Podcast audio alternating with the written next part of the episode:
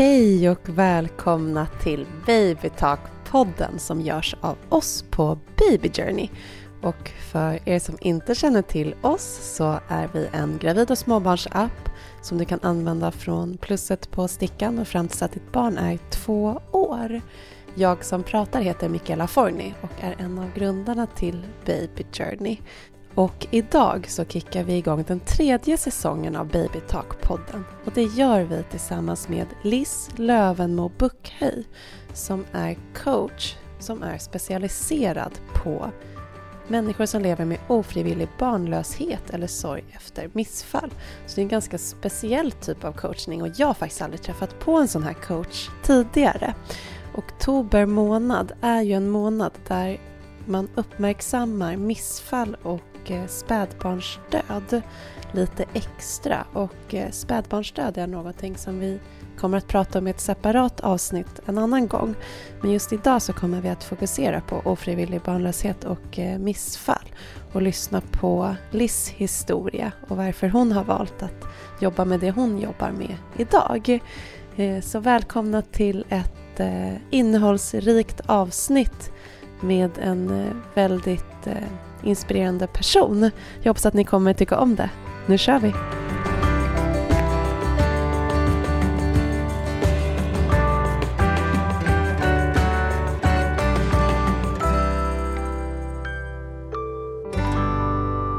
Hej Lis! Hej! Hej! Välkommen till Babytalk-podden. Tack, vilken ära att få vara med.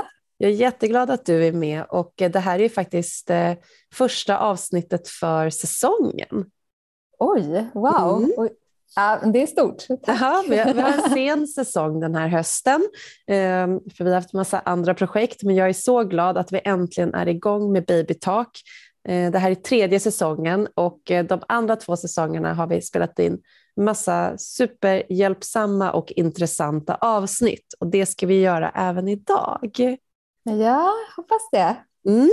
Eh, du jobbar ju som coach och du är specialiserad på att hjälpa kvinnor som genomgår ofrivillig barnlöshet och eller tampas med sorg i samband med missfall. Kan inte mm. du berätta lite vad ditt arbete går ut på? För jag har aldrig träffat någon som är coach med den här inriktningen. Nej, alltså det finns faktiskt inte så många så det är inte så eh, konstigt att du inte har stött okay, på en sån.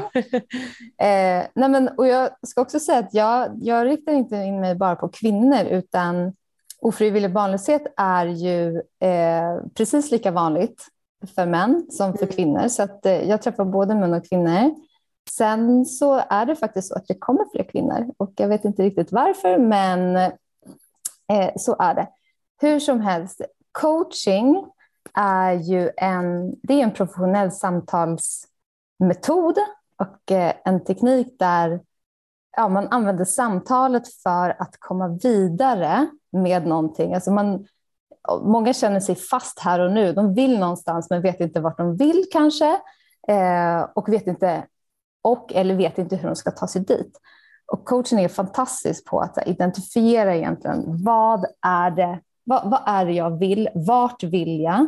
Mm. Eh, vilka mål vilka mål vill jag ha? Vad har jag för vision för livet? Och vilka mål ska jag sätta för att ta mig dit? Och också sen, hur ser vägen fram mot målen ut och mot den här visionen? Och det, det är otroligt fokuserat på här och nu och framåt. Så vi grottar ingenting bakåt egentligen, mm. utan det är här och nu och framåt.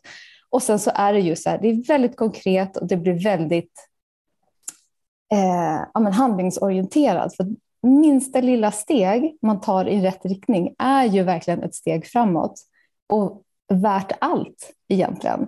Så att, att hitta de där stegen, det är det vi jobbar med och för att komma dit så eh, det handlar om att eh, ja, såklart identifiera vad det är man vill men också att sen bolla, vrida på perspektiv, hitta hitta vad det är som kan hjälpa en framåt. Vilken support behöver man?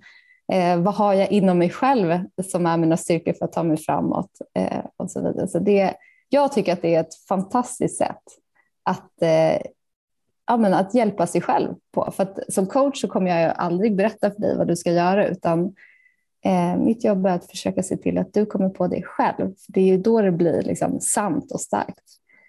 Eh, så ja, men det, det låter inte så komplicerat och det är egentligen inte så komplicerat, men det är för mig, jag har testat på coaching själv, det är förlösande. Det är, eh, det är liksom ett skifte i mindset. Att, um, att få ett mindset som är framåt mot det man vill snarare än att man fokuserar på det man inte vill. För det är så lätt att hamna där. Att, man, mm. att eh, allt man tänker på är det man är rädd för, är det man försöker förhindra, eh, det som stoppar en, är det som är fel, är det som är dåligt. Och så stannar man där. Så man, liksom, man bara står och harvar eh, och får liksom såklart känslan i kroppen av det som, allt som är dåligt snarare än det. Liksom att man får ha mindsetet mot någonting positivt och bra. Det här är jätteintressant och eh, jag får så många, jag har så mycket frågor. Det bara liksom poppar upp eh, olika saker jag undrar över. Men ja, innan vi fortsätter med alla de här frågorna så är jag lite nyfiken på hur eh, din väg såg ut. Hur kommer det sig? Du har inte alltid jobbat med det här, så jag undrar Nej. lite så här, vad gjorde du innan och hur kom, hur kom det sig att du valde att satsa på att göra det här i din karriär? Ja, men, ja det är en jättebra fråga. Det är verkligen utifrån Alltså det är utifrån liksom hjärtat verkligen jag jobbar som coach nu. Och tidigare har jag jobbat med eh, kommunikation och marknadsföring och försäljning under väldigt lång tid och jag har också jobbat mycket med ja, som chef och med ledarskap och tyckt att det har varit fantastiskt intressant. Och i det så har jag jobbat väldigt mycket med det coachande ledarskapet, det vill säga så här, hur kan jag få människor att eh, ta sig fram och göra fantastiskt arbete, utveckla sig själva och så vidare genom att ja, men, komma på den vägen själv. Mm. Att inte få pekpinnar utan hitta eh, strategier och, och fokus själv. Sådär. Men att jag just blev coach med den här inriktningen, det kommer från att jag själv har gått igenom många, många år av ofrivillig barnlöshet. Och eh, det var inte en lätt period i livet, utan tvärtom. Det var rätt fruktansvärt till slut. Eh, det var eh, fem år tog det eh, från det att jag och min man ville ha barn till att vi till slut fick barn. Och det var såklart liksom en resa kantad av väldigt mycket besvikelse, sorg, missfall ehm, och också otroligt mycket ensamhet eftersom alltså, eh, ofrivillig barnlöshet och infertilitet det påverkar nästan alla delar av sitt liv. Mm. Och man känner sig som en sån person som eh, står och stampar medan alla runt omkring en eh, går vidare mot ett annat liv. Mm. Fyllt med barn och nya planer, flytta utanför stan, vad det nu än kan vara. Och man själv står fast och stampar och kan inte ens ha en garanti på att man ska komma dit, mm. dit man drömmer. Så att det blir, bara det är ju en känsla av utanförskap och ensamhet och sen så blir den här känslan av att ingen annan förstår hur jag, vad, vad jag känner och eh, jag kanske till och med är avundsjuk och ledsen och förbannad på alla andra mm. så jag vill inte prata med dem. Eh, så att man, liksom, ja, men man blir mer och mer isolerad. Livet äts nästan upp av den här infertiliteten och längtan efter barn. Relationen blir såklart påverkad. Alltså det är så otroligt många delar och till slut så står man där själv och känner inte igen sig själv. Mm. Eh, och bara känner att man, man kämpar liksom, så att svetten lackar hela tiden. Man är helt slut och eh, man vet inte ens om man kommer framåt. Så det är, ja, den känslan hade jag i alla fall. Och jag, mm. nu när jag pratat med många så vet jag att eh, många känner precis samma sak. Och jag hade den nog väldigt mycket därför att jag inte hade det stödet som jag behövde. Och till slut, eh, i slutet liksom av den här jobbiga perioden så träffade jag en vän som faktiskt ställde några frågor till mig som jag nu i efterhand vet är otroligt coachande. Och bara på liksom på några dagar så hade jag bara vänt mitt mindset. Jag förstod att jag gick runt och verkligen fokuserade på allting som, eh, som jag var livrädd för. och allt som inte var bra. Istället för på, ja, men gud, jag vill ju, jag vill bli mamma och hur vill jag må när jag ska bli mamma och vad behöver jag göra då för att må så? Mm. Hur behöver jag, ja. Och så hittade jag liksom en, en strategi och en väg och förstod att människor runt omkring mig är viktiga att, ha, att få ha i livet igen.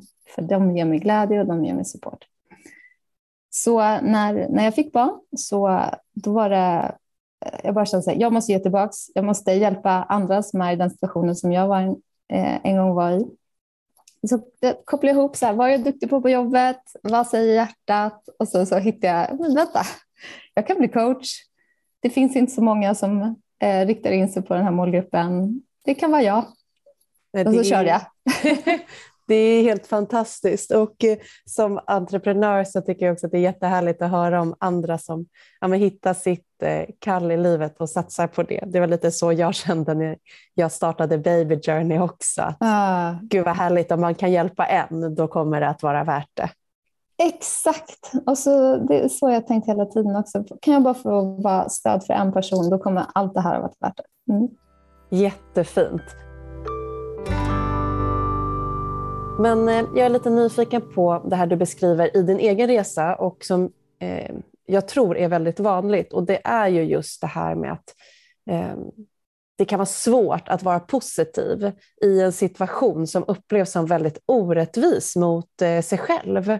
Mm. Eh, jag tänker att man kommer till dig så kanske man inte klar, orkar bara vara positiv eller man känner att det går inte. Och jag kan tänka mig att du också som har gått igenom den här resan du kanske var positiv en bit in på din resa tills du kom till en punkt där du kände att det inte gick. Eller du kanske mm. klarade av att vara positiv i vissa perioder medan mm. i andra så känner man en hopplöshet. Hur hanterade du det under din resa och hur tänker du när du coachar folk vidare i sin resa? Ja, eh, alltså allt du säger är så sant. Jag skulle säga att det inte det handlar inte riktigt om att vara positiv, eh, för det måste man inte vara. Alltså det, det, är inget krav att man måste gå runt och vara glad och känna sig peppad och positiv, men däremot att få skifta liksom mindset mot att känna att man har någonting att sträva efter som man mår bra av, som man längtar till, som, som gör en gott, snarare än att eh, grotta ner sig i det som inte är bra. Och, alltså jag, precis som du sa, jag var så peppad i början. Alltså vårt första och andra IVF-försök, liksom, jag typ hoppsade till mm. kliniken och kände att så här, nu blir allting jättebra. Och sen så är det ju liksom, med åren och med tiden så blir det ju så mycket tuffare. Till slut kan man inte se någonting som är positivt alls. Eh, och så för mig vände det, det vände ju när jag själv fick jag, jag, liksom, jag, jag skaffade mig en vision, alltså en bild som jag tänkte på hela tiden. Som, när jag tänkte på det, på liksom den här bilden, jag, jag tänkte att jag, jag, eh, ska bli mamma. Jag hade en vision om att eh, jag skulle ha mitt barn på bröstet, jag skulle dofta på barnets eh, huvud mm. och hålla det i handen. Och det hade, den tanken hade inte jag vågat tänka på så många år. För Det var ju jätteläskigt och hellre inte tänka på det för att gardera sig och allt vad det är. Men jag gick upp i det där och sen så funderade jag på, men gud, när jag, när jag har mitt barn, för jag ska ha mitt barn, vad, vem, vad vill jag liksom, vart vill jag vara då själv? Vill jag vara nedbruten och ledsen och nästan du vet, gått in i väggen? Nej, det vill jag inte vara. Jag vill vara en stark mamma. Jag vill vara jag vill kunna liksom glädjas och vara mm. allt det man vill vara som mamma. Så började jag fundera på vad, men gud, vad behöver jag då? För det behöver jag börja jobba på nu. Mm. Och då insåg jag att alla de här sakerna som gör att jag mår bra, de måste jag få tillbaka in i livet. Eh, så att även fast jag inte mådde speciellt bra så började jag förstå att eh, ja, men jag måste Gud, jag måste få börja prata med min syster som är så viktig för mig. Mm. Eh, och ha henne som bollplank. Eller jag, alltså, gud, jag och min man måste gå ut och ha middag och dricka drinkar och ha roligt. Eller vi mm. behöver jag måste börja träna. Alltså, allt sånt där som var bra för mig förstod jag att jag bör, behövde börja få tillbaka. Och sen liksom med min, den här bilden i huvudet som jag tvingade mig att tänka på flera gånger om dagen så blev det liksom, alltså det blev som en, en rörelse mot det. Och att varje litet steg, bara att jag kanske då jag vet inte, bokade bord på en restaurang, bara det kändes som att yes, jag gör någonting för mig själv. Alltså det blev positivt. Det blev som en, liksom, en framåt eh, rotation som eh, att till slut, alltså jag, mådde, jag var så uppe i det så att det var, det var fantastiskt. och det kan vi säga, det säger jag till mina kunder också, för det är klart att det är faktiskt ingen som kommer som jag har träffat än som är jättepositiv och peppad och glad. Nej. Utan de flesta är ju faktiskt där att de har insett att de behöver hjälp för att de inte mår bra.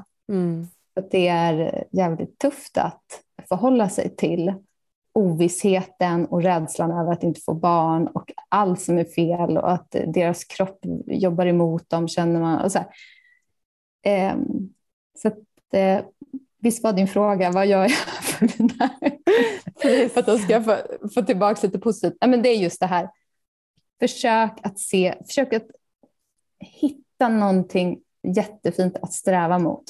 Mm. Och sen också så här, när vi har det på plats, att identifiera så här, vad behövs för att du ska ta dig dit.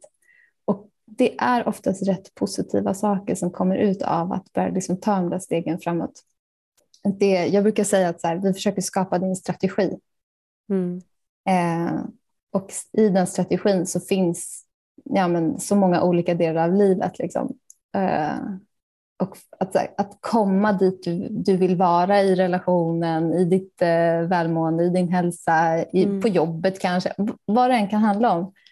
Eller du vet, så här, att lära sig att hantera jobbiga frågor. Allt det där kommer stärka dig och ta dig liksom, framåt. Att du får fokusera och lägga din kraft på att ta dig mot ditt mål. Det låter jättefint och eh, jag kan läsa in lite utifrån vårt samtal hittills är just mm. att hur mycket av det här handlar inte om kanske just bara eh, barnet, att få ett barn eller att fokusera på det, utan det mm. runt omkring som faktiskt är livet. Som, eh, det är helt naturligt att man skalar bort när man har mm. någonting man verkligen, verkligen vill mer än allt mm. annat. Mm. så eh, jag förstår och jag har ju själv sett och bevittnat människor som skalar av för att mm. det finns någonting de vill så himla himla gärna, men som mm. till slut kanske inte mår eh, bra eller lever i stor ensamhet eh, i mm. det. Mm. Jag är också lite nyfiken på det här med att du sa att ja, men vi tittar på här och nu och så tittar vi på framåt. Mm. Um, men hur gör man med det som har varit då? För att man kanske kommer till dig och ofrivillig barnlöshet kan ju också i många fall innebära en del missfall längst med vägen eh, ja. som eh, kan vara trauman som man behöver bearbeta. Hur gör vi? Hur, hur gör vi? hur, gör, hur gör du med det? Eller hur tänker du med det? För det är inte bara kanske att kasta i papperskorgen och så blickar man framåt, Nej. utan eh, det är ju någonting som ja, men behöver kanske bearbetas för att kunna blicka framåt, eller? Ja, alltså, absolut. Och jag tycker att det är jätte, jätteviktigt att man ska få sörja klart. Mm. Eller, eller tillåta sig att så här, ett, sörja klart eller fortsätta säga vad man än vill göra för ett missfall. Att ha varit igenom ett eller flera missfall, det är fruktansvärt. Alltså, det är ju det är ju inte bara en jobbig process här och nu och någonting som händer i kroppen, liksom en förlust av det, som, det barnet som finns där inne, utan det är ju förlust av en hel framtid. Eh, mm. och som man har längtat så otroligt mycket efter. Och det, och det finns så jäkla mycket känslor kopplat till det här. Så att mm, mitt, ja, mitt tips till människor som fortfarande kommer med väldigt mycket sorg är ju att verkligen så här, försök eh, att, att ge sig en period om att verkligen tillåta sig att sörja. Jag är ju absolut ingen psykolog eller, eller utbildad liksom, eh, terapeut, så att behöver man grotta mycket i det och mår man väldigt dåligt över det så ska man ju ta hjälp av liksom, eh, någon annan professionell. Men om man vill eh, komma och ändå liksom hitta en väg framåt, att våga, så, så här, kanske inför nästa graviditet eh, och eh, får känna lite lugn i det, så då kan vi ju liksom sätta oss ner och prata om eh, hur kan du ja, men, hur kan du liksom hitta din väg framåt som gör att du inte hamnar i den här oron hela tiden eller att man är liksom livrädd för att ta sig an det som komma skall. Men definitivt också, så här, jag tror att eh, bara att lyssna.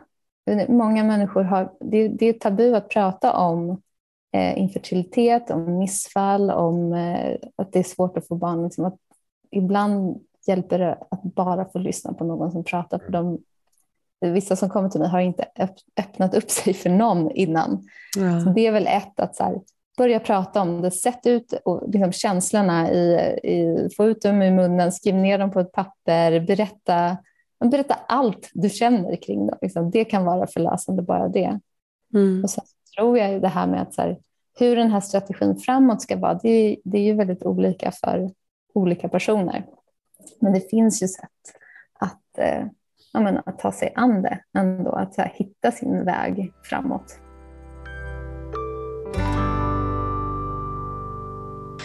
När du träffar kvinnor som går igenom ofrivillig barnlöshet, vad är det vanligaste att de har gemensamt i sin resa? Jättevanligt att känna sig ensam. Eh, att känna att det är någonting fel på en, alltså att man känner typ skam och skuld mm. för sig själv. Det är, det, är, det är fel på min kropp, jag är inte värd det här, det, är, det kommer aldrig gå. Um, och jätte, jättevanligt att man är rädd för sociala sammanhang, att hamna i situationer som eh, är, ja, men, triggar en på olika sätt.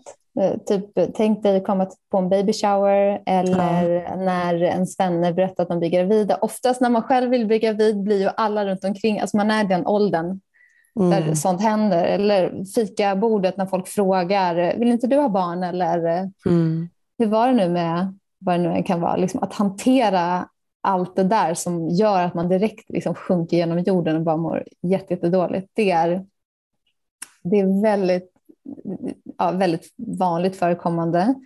Det här med relationen, att, man inte, att det, blir liksom, det blir så jobbigt att prata om det hemma. Mm. Man vill ha nästan en frizon från infertilitetssnack och eh, allt det jobbas. Kanske man tar det från sin partner fast man kanske inte har så många andra att prata med egentligen. Eller så pratar man väldigt mycket om det och det blir väldigt jobbigt. Ja. Eh, man liksom har tappat den här känslan av att man är ett team. Det är jätteintressant att du säger att varandra. Ja, det är intressant det här att man, det kan ju bli på två olika sätt i sin relation. Antingen att man inte pratar om det alls fast det kanske tynger mm. båda. Eller mm. att det blir det enda som man pratar om och som samtal ja.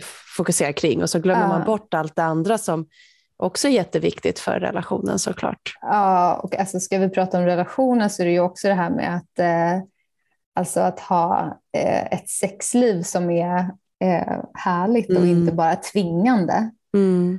eh, är ju också rätt komplicerat och svårt. Mm. Så det händer mycket i relationen, både relationen med, med sin partner som är ju så, så viktig och sen är det liksom relationen till vänner och familj och sen övriga också som är tricky, som man behöver jobba med. Yes. Eh, oktober månad är ju en månad som man uppmärksammar missfall och spädbarnsdöd. Och mm. eh, spädbarnsdöd är ett ämne som vi kommer prata mer om i ett separat avsnitt. Jag tänker, hur kommer man vidare efter ett missfall? Ja, det... Eh, ett, ska jag säga, det gör man till slut. Men man måste låta det ta tid. Ehm, jag gjorde, men eftersom det är den här månaden nu där vi ska uppmärksamma och liksom, eh, uppmärksamma och stötta människor som har varit igenom det här. Så eh, jag gjorde ju en liten eh, tipslista på mitt Instagram häromdagen. Men ehm, jag plockar några av dem för jag, jag tycker att det finns, ja, men det finns några saker som kan verkligen vara värt att att liksom tänka på, ta sig an, göra liksom, övningar och eh, ja, övningar och tips kan man säga. Och det första är ju verkligen att så här, tillåt dig att sörja och tillåt dig att sörja klart. Det är hemskt det du går igenom just nu. Eh, och eh, ta dig, liksom, säg till dig själv att det är helt okej okay att känna allt du vill känna eller allt det du känner. Man behöver inte vara ledsen, man kan ju vara svinförbannad, man kan vara besviken, man kan vara eh, ursinnig, man, kan känna, man kanske inte känner någonting alls och får jättemycket skuld för det. Men allt man känner är okej. Okay. Och det gör det ju bara mänskligt. Att liksom att får man in det så tror jag att man har kommit långt. Och också så här, ge sig tiden att så här, ja, men jag behöver inte vara ledsen i en dag utan det här kan ta hur lång tid som helst och det är okej. Okay. Mm. Eh, jätteviktigt att försöka sätta ord på det. Alltså jag förespråkar verkligen att man ska ha en liten skrivbok så man får ner saker, att det inte bara finns i huvudet utan skriv ner det. Och sen försök eh, berätta om du har någon eh, person som har det. Och det är ju, tar mig in då till eh, ett annat hett tips och det är ju verkligen det här att skaffa dig ett supportteam. Mm. Ehm, vilka runt omkring dig vill du ska finnas där som ett stöd för dig? Du kommer behöva dem. Du ska inte behöva gå igenom det här ensam. Ehm, så att försök tänka på vilka människor du vill ha där. Sträck ut handen och fråga, vill du vara mitt stöd? Och om du kan, du kan försöka formulera hur du vill ha det här stödet också, så är det helt fantastiskt. För att den som, att få hjälpa någon är ju en, verkligen en ynnest, men att få göra det på ett sätt som man vet är rätt är ju ännu, ännu bättre. För jag tror att det är jättesvårt som vän att liksom veta vad man ska göra och säga. Verkligen. Eh, skulle också säga så här, tillåt dig, om du, om du ger dig tid att sörja, men tillåt dig också att ta en time-out. Alltså, du behöver inte eh, ha full kalender, gå på allt du eh, ska göra eller som du brukar göra, träffa alla du brukar träffa, utan ta dig tid att eh, liksom fundera på vad du behöver just nu och liksom rensa kalendern om det går. Och försök kanske så boka in istället vad du vill ha där. Saker som gör dig gott. Det, eh, det tror jag är jätte, jätteviktigt. Eh, och sen ja, men, kopplat till det, då, så här, det är helt okej att säga nej. Man måste mm. inte, bara för att man blir bjuden på en baby shower så måste man inte gå på den. Eh, och man behöver inte ha någon vidare eh, förklaring, utan det är okej att bara säga nej, jag kan inte. Eller dåligt samvete. Ja, Nej, det är precis. Mm. Ska man inte, han behöver inte ta ansvar för andra människors känslor utan försök rå, alltså, tänk att du ska rå om dig själv så mycket som det bara går just nu. Och jag kan, man... tänka, mig, jag kan tänka mig också som eh, eh, vän, att mm. om det är så att det är situationer där man har en vän som inte trivs i den situationen, så skulle man ju mm. aldrig vilja att den vännen Nej. pushade sig själv och var där. Nej, att man har precis. det med sig, att människor i ens närhet vill ju en ofta det absolut bästa. Ja, exakt. Så att man har den känslan med sig och liksom ja, den ja, goda verkligen. tanken. Jättefint och det här är ju så fina, bra och värdefulla tips. Har du några fler tips att dela med dig av? Ja, nej men ett, eh, ett eh, toppenbra tips som eh, jag brukar prata med många av mina klienter om är ju att förbereda sig. Det här, mm. det här är ju ett typiskt liksom coachingverktyg, då, att vi ska förbereda oss för det som ska komma så att vi känner oss lite mer trygga. Och det kan ju till exempel vara så här, säg att eh, du måste ta dig iväg någonstans eller du vet, man vet ju, så man kan ju kanske inte vara hemma för alltid i sin lilla bubbla. Man, man kommer hamna någonstans och känner stress och obehag inför det. Eh, men genom att förbereda sig så, eh, eh, ja, så tar man bort lite av den här oron och kan känna sig lite mer trygg. Mm. Eh, och det skulle till exempel kunna vara att ehm, du bestämmer dig för vem ska du berätta vad för? Alltså, vem vet ingenting? Vem vet lite och vem vet allt? Mm. Då vet du, när du kommer någonstans, liksom har du, du har klart för dig liksom, vad är settingen här, vad behöver jag, vad har jag att förhålla mig till? Är det, känner jag mig trygg, känner jag mig inte trygg med liksom, att prata om det här eller inte prata om det? Behöver jag, behöver jag inte? Kommer jag få frågor, kommer jag inte få frågor? Om du får frågor, för de flesta är ju rädda för att till exempel så här, hur ska jag reagera om jag får en fråga till exempel så här, ja, ehm, vill du ha barn? Mm. Eller inte du gravid? Eller var inte du gravid? Är du mm. också gravid? Alltså efter att man har eh, fått missfall. Att förbereda svar redan mm. innan. Att så här, får jag den här frågan, då svarar jag alltid den här meningen. För att av, liksom, avväpna, för att inte få den här känslostormen som kommer liksom, när man bara det tas över av olustkänslor och ledsamhet och allt vad det nu kan vara. Så förbered vad du ska säga om du får vissa frågor och också förbered vad du ska göra. Eh, jag mm, hade min lilla strategi att om, eh, säg att jag var någonstans och det kom någon som berättade att de var gravida eller på något annat sätt det kändes jobbigt, då hade jag sagt så här, okej, okay, Liz, du går in på toaletten, du får gråta lite om du vill och sen så ringer du till eh, Sanna och eh, så kommer hon peppa dig lite och sen kan du gå ut mm. igen. Eh, så jag visste att jag skulle göra så. Och då blev det också lite mindre jobbigt. Mm. Så det där med att förbereda sig är toppen om man nu ändå måste iväg på vissa mm. ställen. Och, ja. och sen så eh, det här med att eh, inte släta över ett missfall. Att, att inte känna att men det var ingenting eller det var bara ett, det var så tidigt ändå. Så, ja, vad det nu kan vara. Det, eh, det behöver man inte göra utan det verkligen få känna att det här var någonting. Det här var ju någonting. Det var liksom en hel dröm, en hel framtid som försvann. Mm. Eh, på något sätt markera det för en själv för att känna att så här, men jag, jo, jag har uppmärksammat att det här är jobbigt. Det här var stort för mig och mm. min partner. Eh, så att faktiskt kanske göra en liten en ritual eller en ceremoni för att markera det. Det skulle ju kunna vara liksom så lite som att sätta en blomma. Men det kan också vara att skriva ett brev till ett barn, tända ett ljus eller plantera ett träd eller vad nu än som känns bra för dig. Men så att du har fått markera det i tiden. Liksom, kunna om, om man eh, väljer att eh, dela sin upplevelse eller det man går igenom med mm. en eh, nära vän eller någon och så känner man att den personen inte tar emot det eller behandlar det så som man behöver eller hoppas. Vad tycker du att man ska göra då? Ja, vilken bra fråga. Jag känner ju, alltså, eftersom jag har varit där så känner jag direkt besvikelsen komma. Och ja, men jag, tänker, jag tänker på att du berättade om att du fann stöd i att gå och ringa din vän Sanna ja. när du själv var i det. Och det är ju mm. fantastiskt. Alltså, det mm. är ju det bästa, att känna att man har någon att luta sig emot. Ja. Men vad händer om man tar mod till sig och kanske väljer ut en vän eller någon man älskar mm. och vill luta sig mot den och så känner man att det inte gick så som man hade hoppats.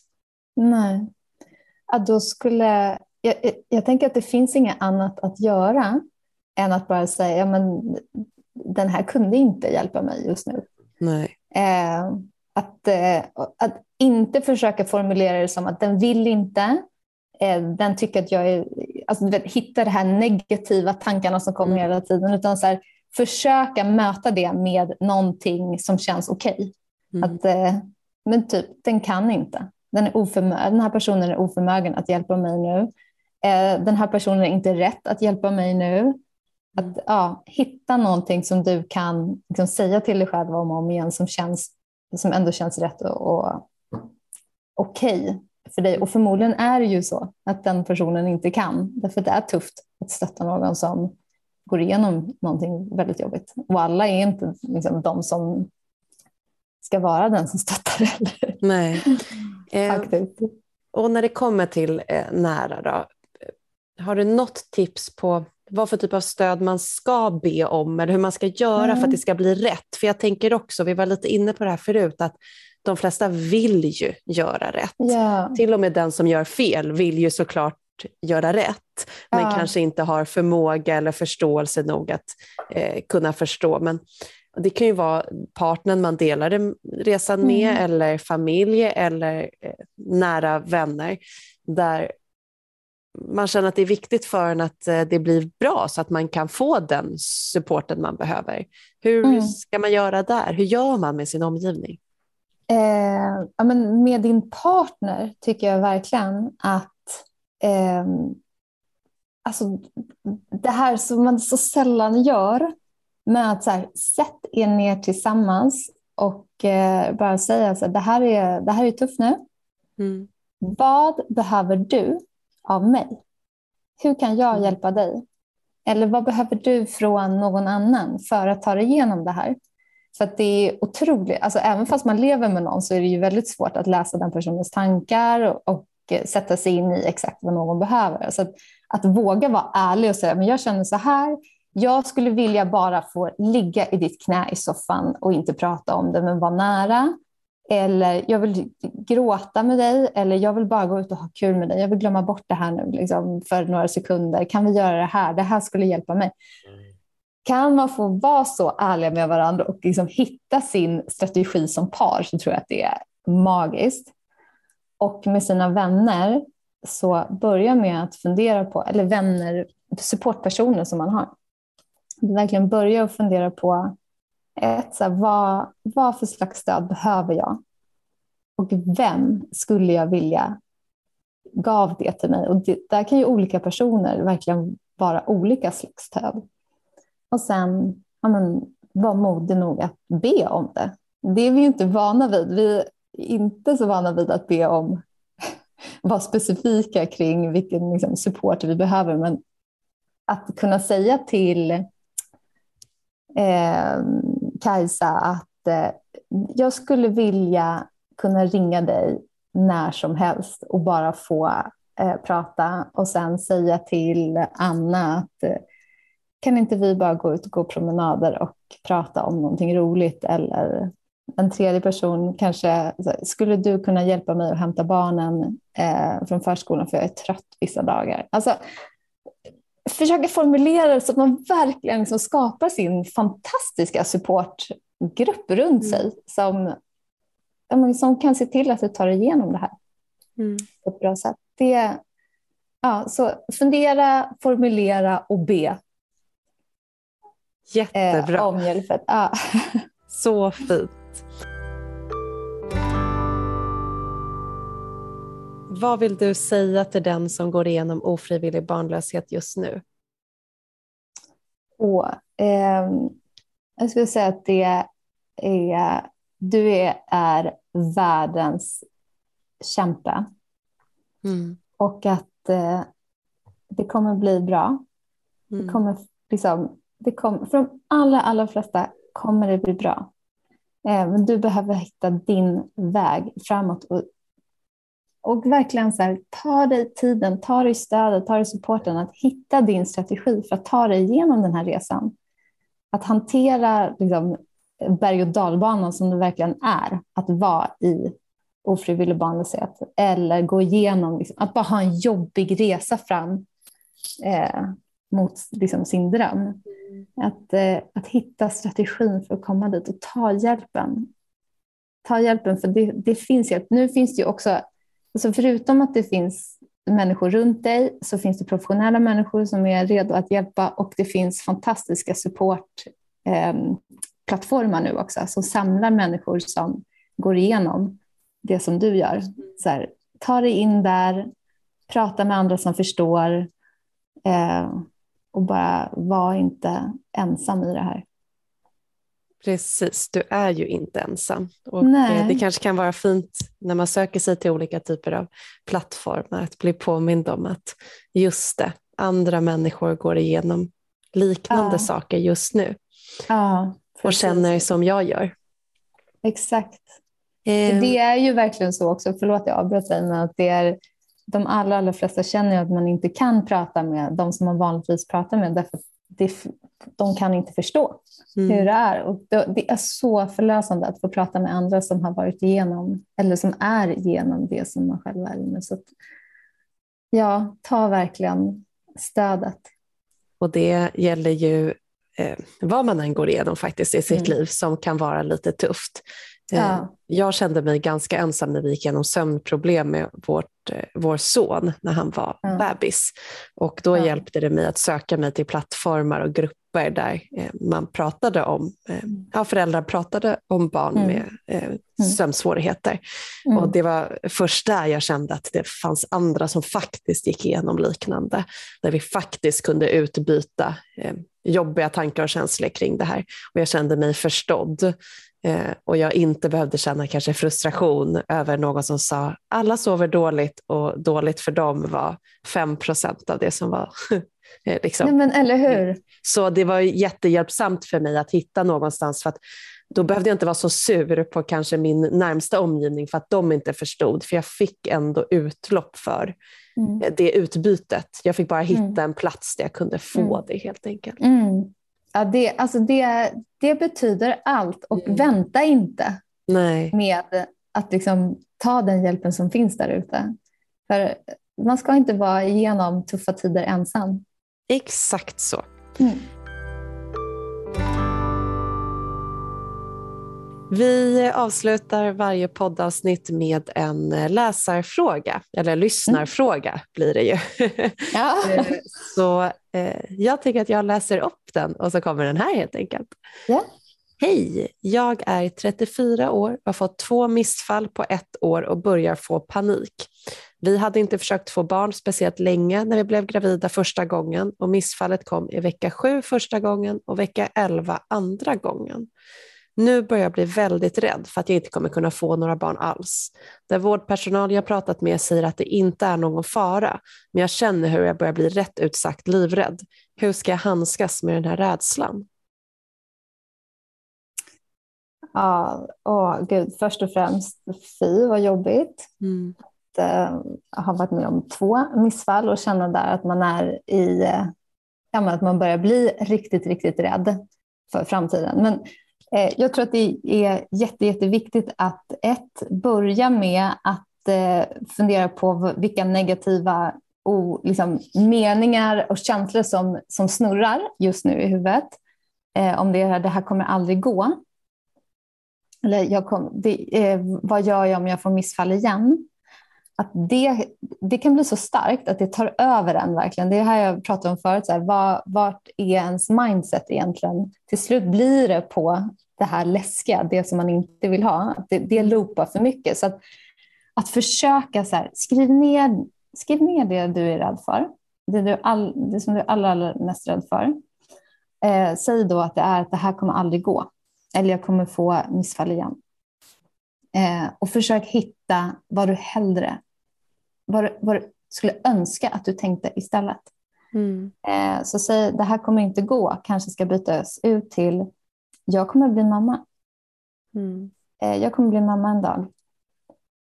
Eller eh, vad det nu än är som känns stärkande för dig. Och försök liksom, jobba med att få in det här. Varenda gång du tänker det här kommer inte gå, tvinga dig själv att tänka, jag kommer bli mamma en dag. Sätt upp post-its hemma där det kommer stå, jag kommer bli mamma en dag.